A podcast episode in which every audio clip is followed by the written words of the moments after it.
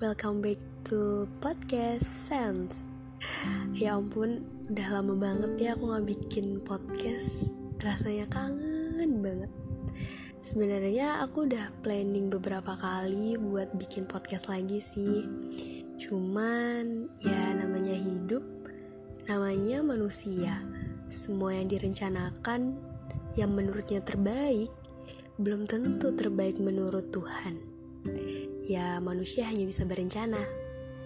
Oke, okay, it's not problem. Yang penting kita bisa balik lagi di podcast Sense. And guys, um, di kesempatan kali ini aku mau bercerita dikit nih tentang apa ya? Mungkin ini pernah aku alami dan mungkin kalian juga pernah ngalamin sih tentang sebuah rasa Iya, sebuah rasa. Enggak, enggak beneran kok. Jadi sebenarnya rasa itu timbul dari mana sih? Pastinya timbul dari Tuhan yang menciptakan. Tidak mungkin rasa bisa datang tanpa campur tangan Tuhan. Bahkan kita sendiri yang punya rasa tidak bisa menyeting atau memberikan alarm kapan rasa itu harus datang, kapan rasa itu harus jatuh kepada orang yang tepat semuanya sudah ada skenario-nya oleh Tuhan. Seringkali rasa emang tidak bisa disalahkan. Ya karena itu anugerah dari Tuhan. Tapi mungkin sikap kita yang harus bisa dikendalikan. Sometimes just like um, I love you, but but hmm, gimana ya ngomong ya? Lo suka sama seseorang tapi tiba-tiba ketika lo dideketin sama orang yang lo suka tiba-tiba malah ngejauh. Tiba-tiba malah ilfil kayak aneh banget gak sih? Ya mungkin emang sih banyak yang bilang aneh tapi ya itu nyata terjadi. Dan kenapa bisa kayak gitu?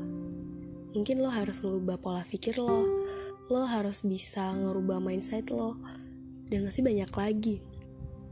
Tapi kalau dibilang wajar apa enggak sebenarnya wajar-wajar aja sih karena ya emang itu depend on yourself. Gak ada paksaan dari lingkungan lo dari temen lo dari semuanya. Itulah cara lo buat menyikapi rasa yang ada dan menurutku itu kasus yang banyak banget sih akhir-akhir ini dirasain oleh para remaja jompo. Nggak sih nggak jompo ya remaja. Tahun berapa sih? 2000-an 2002-an 2003-an kayak gitulah sekarang. Mereka like um, naksir orang tapi ketika dideketin just like ya ya just know like that. Maksudnya nggak mau dideketin balik. Cukup tahu kalau dia ada cukup tahu kalau lo tuh hidup gitu aja. Karena balik lagi mungkin backgroundnya dia yang punya trauma yang cukup dalam atau prinsip dia yang kuat. Nah itulah yang harus diperjuangkan oleh pasangannya. Karena semua perilakunya nggak bisa disalahkan oleh pribadinya sendiri tapi harus kita talik balik benang pada track record dan trauma-trauma sebelumnya.